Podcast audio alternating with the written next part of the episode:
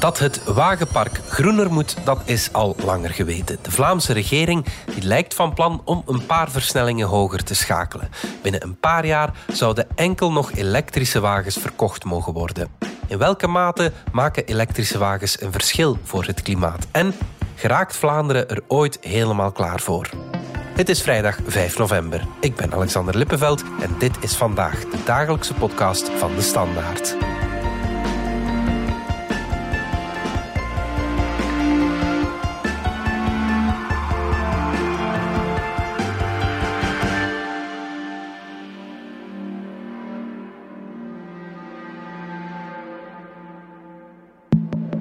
Donderdagavond kwam het verlossende nieuws. De Vlaamse regering heeft een klimaatplan. Een van de elementen uit dat plan is dat auto's op fossiele brandstof eruit moeten.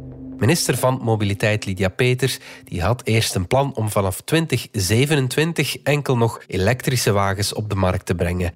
Uiteindelijk werd het twee jaar later vanaf 2029. Stijn de Kok van onze economieredactie, jij volgt het rijlen en zeilen van de auto-industrie. De richting is duidelijk. Iedereen een elektrische wagen. Het plan dat kwam vorige week wel even als een verrassing. Van waar komt dat? Wel, je hebt natuurlijk nu de klimaattop in Glasgow, mhm. eh, waar landen toch heel sterke doelstellingen moeten zetten en ook heel concrete plannen mhm. moeten uh, voorstellen hoe je versneld de CO2-uitstoot kan uh, reduceren. Ja, ook onze eigen premier Alexander De Croo die benadrukte dat op de klimaattop in Glasgow we need a rapid and large-scale reduction of CO2 emissions to bring the one and a half degrees goal within reach. So we need to do more. And it needs to happen here in Glasgow. Het dichtbevolkte Vlaanderen is niet heel evident om versneld de CO2 te reduceren. En eigenlijk heeft een regio als Vlaanderen maar drie hefbomen. Want de industrie of de elektriciteitsvoorziening, dat zit eigenlijk federaal of wordt Europees geregeld via mhm. het ETS-systeem. Ja, je kan eigenlijk niet als Vlaanderen zeggen, we gaan de staalindustrie versneld vergroenen. Dat zit niet in onze mhm, klimaatboekhouding. Dat is eigenlijk in, de dat centrale... zijn die emissiehandelsrechten. Hè? Ja, ja. Maar Vlaanderen heeft dan eigenlijk maar drie grote domeinen waarin het kan spelen. Dat is transport, dat is woning en huizen en dat is de derde, dat is landbouw. Ja. En dus moet je, als je dan toch ja, die, doelstellingen wil halen, moet je op, op die drie domeinen wel versneld gaan. En ik denk dat dat een beetje de demarche is van oké, willen we tegen 2030 toch doelstellingen halen, dan moeten we drastisch ingrijpen op bijvoorbeeld de woningmarkt of op het wagenpark. En is het ook denkbaar dat we binnen afzienbare tijd allemaal elektrisch rijden? Wel, dus je ziet eigenlijk nu dat bijna alle autoconstructeurs een ruime gamma aan elektrische auto's aan het bouwen zijn. Of klassieke auto's die ze hebben in een elektrische versie mhm. aanbieden. Die auto's bouwen op zich is ook niet het probleem. Dus je moet gewoon die, die, die bestaande assemblagelijnen een beetje verbouwen, maar, maar dat is niet het grote werk. Mhm. Het grote probleem zijn de batterijen. Want we gaan ontzettend veel extra batterijen nodig hebben en batterijfabrieken. En dat, zijn wel, ja, dat is wel een, een, vrij zwaar proces om die batterijen te maken. En dat zijn heel dure investeringen. Mhm. En daar staan we zeker in Europa nog niet ver. Er zijn heel wat plannen voor nieuwe batterijfabrieken. Maar die zijn eigenlijk nog niet in aanbouw. En je moet toch rekenen dat dat toch wel ja, heel wat jaren duurt vooraleer zo'n fabriek gebouwd kan worden. Mhm. Een voorbeeld is bijvoorbeeld Volvo uh, Cars, die toch ook een voorloper is in het verelektrificeren van zijn wagens. Mhm. Zij zoeken voor een Europese fabrieken, dat zijn er twee, Göteborg en Gent, één mhm. centrale batterijfabriek die eigenlijk de batterijcellen gaan maken. We zijn een van de kandidaten om een batterijfabriek voor de automotive naar Gent te halen. Ja, we horen Daan Schalk, de CEO van de Gentse haven. We zijn nog met verschillende kandidaten, hè, maar we staan uiteindelijk op de shortlist. Dat zou voor Gent, moest dat lukken, enorm zijn. Het gaat over 3000 arbeidsplaatsen op een oppervlakte van ongeveer 75 hectare. En die zou te vroegste operationeel zijn in 2026. En natuurlijk, Volvo is maar één relatief kleine autobouwer. Alle andere Europese autobouwers hebben wel ergens gelijkaardige plannen, vaak nog minder concreet al dan Volvo. En die moeten ook allemaal gebouwd worden. Die fabrieken zullen misschien ook een beetje allemaal op dezelfde tijdstip opgeleverd moeten worden. Bijvoorbeeld ook ja, de machines, die, die heel specifieke machines om die cellen te maken, gaan die kunnen volgen, die producenten van die machines. Dus je creëert daar wel, denk ik, een, een stevige bottleneck. En, ja, een enorme bottleneck, zeker als ja, de rest van Europa dat dat ook gaat doen. En met de uitbreiding de rest van de wereld. Die, die timings lopen vrij gelijkaardig. Misschien mhm. eh, de rest van Europa ja, drie jaar later of vier jaar later. Maar ja, in, in industriële termen is dat twee keer niks om in, in het bouwen van, van een mhm. fabriek of, of, die investeringen maken.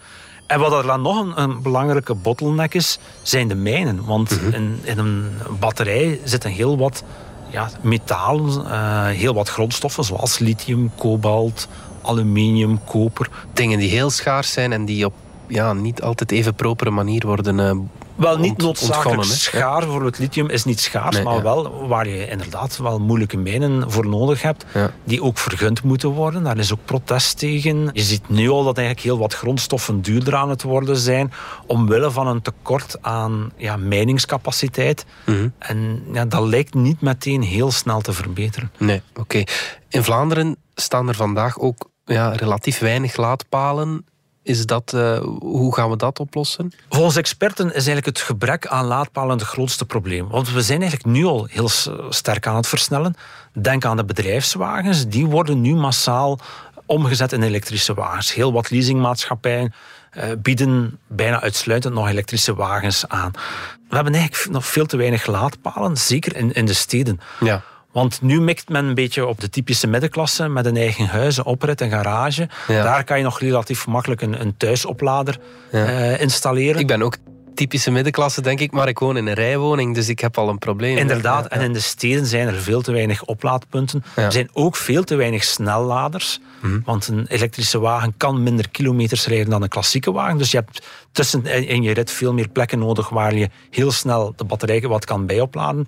Maar daar is ook een compleet gebrek aan. Mhm. Wij staan nu bijna een factor 10 achter op Nederland, dus je moet daar enorm versnellen. Minister van Mobiliteit Lydia Peters die zegt alvast dat die versnelling op de planning staat. Een visienota die ik eind 2020 gelanceerd heb, waarbij ik toen het idee eh, naar voren schoof van kijk, wij willen 30.000 extra laadpalen boven de 5.000 die er vandaag ongeveer zijn in Vlaanderen, maakt dat we tegen 2025 35.000 laadpaalinfrastructuur op publiek of semi-publiek domein zullen hebben. En wat sowieso veel meer vertrouwen zal geven aan een ieder die zich een elektrische wagen wil aanschaffen. We hebben nu iets van een 4000 laadpalen en je moet naar minstens 100.000 gaan. Dus dat zal een enorme versnelling in de bouw van die laadpalen met zich meebrengen de komende jaren. Want het is niet tegen 2027, het is ja, iedere, iedere maand komen er nu heel wat elektrische wagens al bij. Ja. En zo'n laadpaal, ja, het is ook niet gratis. Hè. Het kost heel veel geld. Heeft, kost de, heeft geld, de overheid daar eh, al budget voor uitgetrokken? Wel, dat kan je misschien wel nog met terugverdienen effecten, maar ja, mhm. het, het is ook wel ingrijpend in de stedelijke context. Als je een smal voetpad hebt, daar zo nog een paaltje bij zetten. Ja. is ook niet altijd evident om dat overal te mhm. plaatsen. Maar, maar ja, zeker in de stedelijke omgeving ga je echt heel veel capaciteit heel snel moeten bijbouwen. Ik denk hier aan winkelcentra, aan grootwarenhuizen, aan eh, eventueel tankstations en dergelijke. Kortom, waar private partners kunnen zorgen voor extra laadpaalinfrastructuur en daarvoor kunnen aanspraak maken op een subsidie van 20 procent. Het moet gerealiseerd zijn binnen twee jaar. Dus wat dat betreft zullen we snel heel wat extra laadpalen krijgen. Er is ook nog de issue bijvoorbeeld rond brandveiligheid mm. in bijvoorbeeld verouderde appartementen, de parkeergarage beneden. Als je daar volop laders gaat zetten. Je hebt ook de issue van waar ik dan in het geval ben. Ik heb wel een garage mhm. aan een appartement gelegen. Ja. Maar er zit geen elektriciteit in die garages. die liggen ja, uh, achter het gebouw. Die garages moeten helemaal herbouwd worden. Maar tegen dat dat opgeleverd zal worden, zal dat wellicht ook weer twee jaar verder zijn. Dus, uh... Kan ons net dat aan, al die elektrische wagens ja, opladen? De modale Vlaming die komt thuis om vijf uur, die steekt dan zijn wagen in de stekker. Ik uh, zie een probleem, vooral in de winter. Wel, dit zit een beetje mee in, in de bevoorradingszekerheid waar we aan werken. Dus de kerncentrales gaan er normaal allemaal uit. Er komen nieuwe gascentrales. In 2024, als ik me niet vergis, komt er een groot uh, extra veiling van ja, hoeveel gascentrales gaan we nu nodig hebben. Mhm. Dus ja, hoe snel de verelektrificering van het wagenpark gaat, zal ook denk ik een factor zijn om te bepalen hoeveel gascentrales er exact nodig zijn. Ja. Het net zelf zegt iedereen dat dat redelijk meevalt. Ook de hoeveelheid extra elektriciteit die je nodig hebt, dat, zijn, dat is geen verdubbeling van je bestaande elektriciteit. Dus eigenlijk een, een elektrische wagen is qua energie relatief efficiënt. Ja. Waar we ook naartoe moeten gaan zijn ja, zo de slimme stopcontacten, waar eigenlijk uw laadbeurt zal afgestemd worden Ja, ja. op dalmomenten. Bijvoorbeeld in de nacht, als er meer elektriciteit is. Zeker als het bijvoorbeeld hard waait s'nachts, Mhm. en we heel veel windenergie hebben, dat dan ja, heel wat wagens s'nachts eh worden opgeladen. Ja, je zegt er zal misschien een gascentrale moeten worden bijgeplaatst of een aantal. Gaat dat effect van die verminderde CO2-uitstoot van het wagenpark dan niet wat teniet gedaan worden? Of winnen we globaal gezien toch nog? Wel, in principe winnen we wel, omdat een, zelf als je je auto oplaadt via elektriciteit die door een gascentrale is opgewekt, heb je verhoudingsgewijs minder CO2-uitstoot dan dat die auto op benzine aan te rijden is. Dat komt eigenlijk om, omdat eigenlijk een elektromotor een veel efficiënter iets is als een benzinemotor. Ja. Dus die zet eigenlijk heel efficiënt die energie om. We zijn terug na de reclame. 7 uur opstaan, 7 uur 30 half uur joggen, 8 uur call met mijn ex, hm. 9 uur eerste meeting op het werk, 10 uur presentatie voorbereiden, 10 uur 30 presenteren, 12 uur de zoveelste meeting, 14 uur 221 mails beantwoorden, 18 uur de kinderen helpen met hun huiswerk wiskunde en om 20 uur 30 eindelijk verder bouwen met Lego. Even tijd voor jezelf nodig?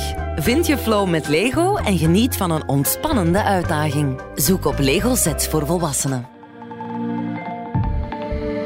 Stijn de Kok, we hebben het nu al over wat de globale uitdagingen zijn. Maar de vraag is natuurlijk, zal de consument volgen? Want een elektrische wagen, vandaag toch zeker nog, die is een pak duurder. Hè?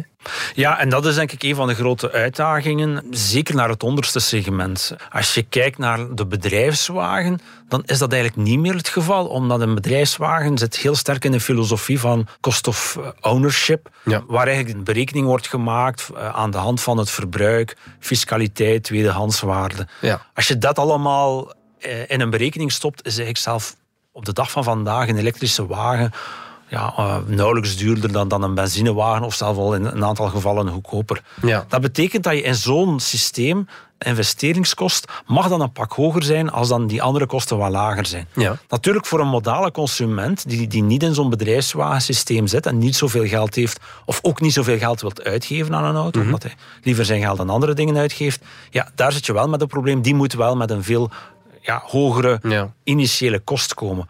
Want bijvoorbeeld de autoverdeler Cardoen voor zijn goedkope wagens, voor iemand die zegt van ik wil echt niet veel uitgeven aan een nieuwe wagen, ik ga naar Cardoen en ik heb daarvoor tussen de 10.000 en de 15.000 al een, een ja, behoorlijke wagen. Ja. Ja, op dit moment is hun goedkoopste elektrische wagen, die 400, weliswaar 400 kilometer kan rijden, maar, maar dat is toch denk ik een minimum voor een gezinswagen, eh, kost 36.000 euro. Wat toch wel eh, ja, Dat is al een naar Cardoen-normen bijzonder hoog is. Ja, ja. Waarom is die zo duur? Vanwege de batterij. Eh. Dus de batterijcellen, een kilowattuur batterij, die kost nog altijd veel meer dan 100 euro. Mhm. En eigenlijk zou die naar 50 euro moeten zakken om wat betaalbaarder te worden. Mhm. Maar eigenlijk de laatste maanden zijn die batterijprijzen weer licht aan het stijgen vanwege eh, de tekorten op die grondstoffen. Mhm. Dus is het eigenlijk heel de vraag van gaat die batterijprijs wel zo scherp nog zakken zoals men voorspelt? Ja. Als dat niet gebeurt, ja, dan blijft een elektrische wagen door die batterij wel een pak duurder. En dan krijg je ook daar een, eh, een kloof tussen, ja, tussen arm en rijk, laat het ons zo stellen. Wel, dat is het, de initiële vrees. Maar natuurlijk, als je het wat doorredeneert, zal het toch rijden niet duurder maken. Ook niet voor wie minder budget heeft. Omdat die ook wat in de logica van die bedrijfswagens zullen moeten stappen van ja, de cost of ownership. En je zal misschien met formules moeten komen waar dan eigenlijk de, troeven van elektrisch rijden, het zijn dat je eigenlijk relatief weinig energie verbruikt. Dus om 100, ki- 100 kilometer elektrisch te rijden kost u dat 2 à 3 euro. Terwijl dat, dat bij een benzinerap tegen de 10 euro gaat. Ja. Dus daar zit de winst in. Ook een elektrische wagen gaat veel langer mee. Een batterij gaat heel lang mee. Een elektromotor gaat veel langer mee dan een klassieke wagen. Dus de tweedehandswaarde wordt ook veel groter. Ze gaan die retrofitten, waardoor dan eigenlijk die tweedehandswagen eh, bijna terug een nieuwe wagen is. Ja. En dat kan door die elektromotoren, door die batterijen, dat, dat eigenlijk de, het kwaliteitsverlies veel, veel lager zal zijn dan bij een klassieke benzinewagen. Ja. Maar je zal ja, in andere systemen moeten werken. Een ander systeem is mogelijk ook dat je als uh, enkel de wagen gaat aankopen en die zal goedkoop blijven. En dat de batterij dan van een derde partij zal zijn. En dat je daar in een soort huurt, zo gezegd. Ja, of, huurt of leest of, of in een contract zit met je elektriciteit. Dus je zal daar wel met innovatieve systemen moeten komen om dat wat betaalbaar te maken. Als grote spelers als Cardoen ermee bezig zijn, dan wil dat wel zeggen dat die binnenkort wel een plan zullen klaar hebben. Zeker als die markt wat matuurder wordt en er al veel tweedehands elektrische wagens op de markt komen, hmm. zal dat toch moeten lukken. Maar je zal daar toch ook wel ja, uh, de klant en de consument van bewust moeten maken dat het tijdperk dat je gewoon ja, 13.000 euro voor een gezinswagen, dat dat niet meer zal zijn. Hmm. Maar dat het autorijden op zich, als je alle kosten gaat meetellen, niet noodzakelijk veel duurder zal worden. En Zullen er überhaupt voldoende elektrische wagens te koop zijn? Dat lijkt toch als geen probleem. Alle autobouwers beseffen nu dat elektrische wagens de toekomst is. On our way to carbon neutral mobility for all. This is the Jeep Life electrified. The fully electric. A lot of people ask, what does an electric motor sound like? So let's find out.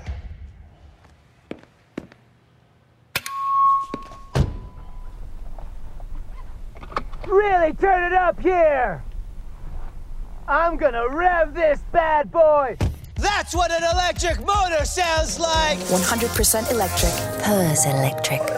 Girls attitude.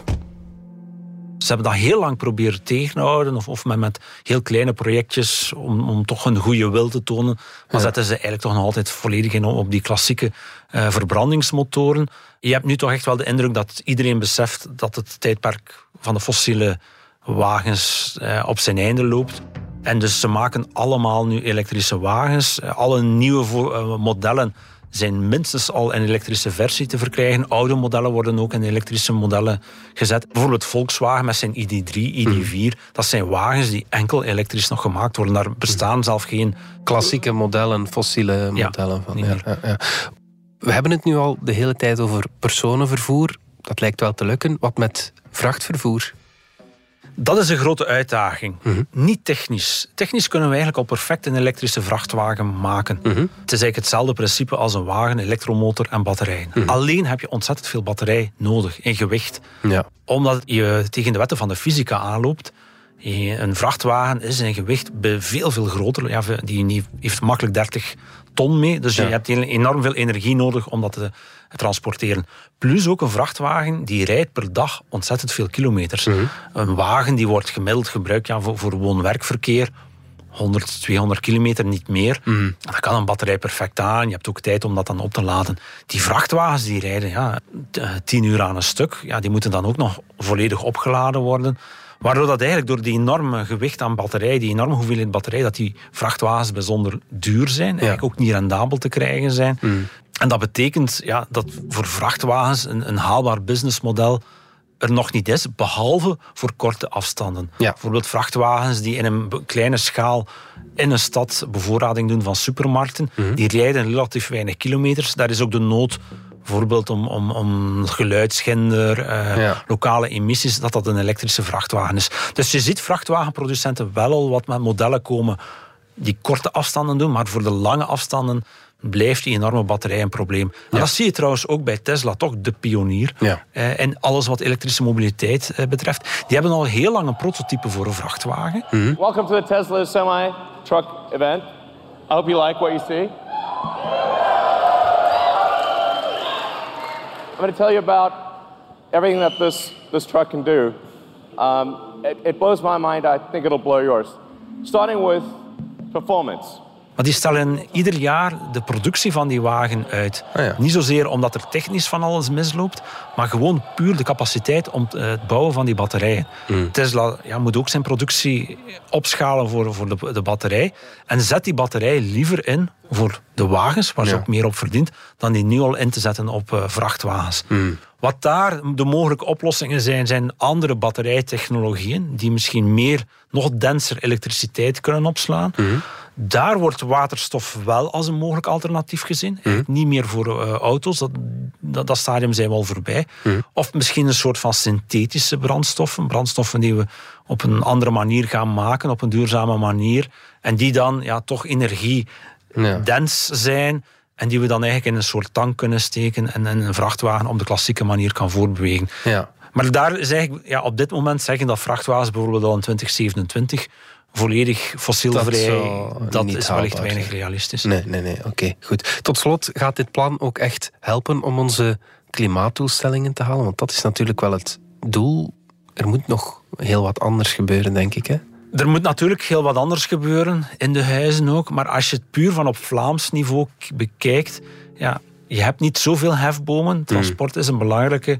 Het autotransport verelektrificeren of verduurzamen lijkt ja, een no-brainer. Hmm. De enige discussie is natuurlijk over de modaliteiten en de timing. Moet het al 2027 zijn of kan 2030? Is het ook goed? Mm. Moet je alle auto's direct elektrificeren? Laat je misschien nog een onderklasse van goedkope wagentjes die eh, op heel licht verbruik. Ja. Kan je, ga je die misschien wat langer tolereren? Ik denk dat er nog heel veel discussie is over de exacte timing, over de modaliteiten, maar ik denk dat de richting wel duidelijk is ingezet en, en, en dat we daar volledig naartoe gaan. Mm. Goed, Stijn de Kok, dankjewel. Graag gedaan. Dit was vandaag de dagelijkse podcast van De Standaard. Bedankt voor het luisteren. Ken je trouwens DS Podcast al, de podcast-app van De Standaard? Daar luister je niet alleen naar onze journalistieke reeksen, je krijgt ook elke week een eigenhandige selectie van de beste nieuwe podcasts op de markt.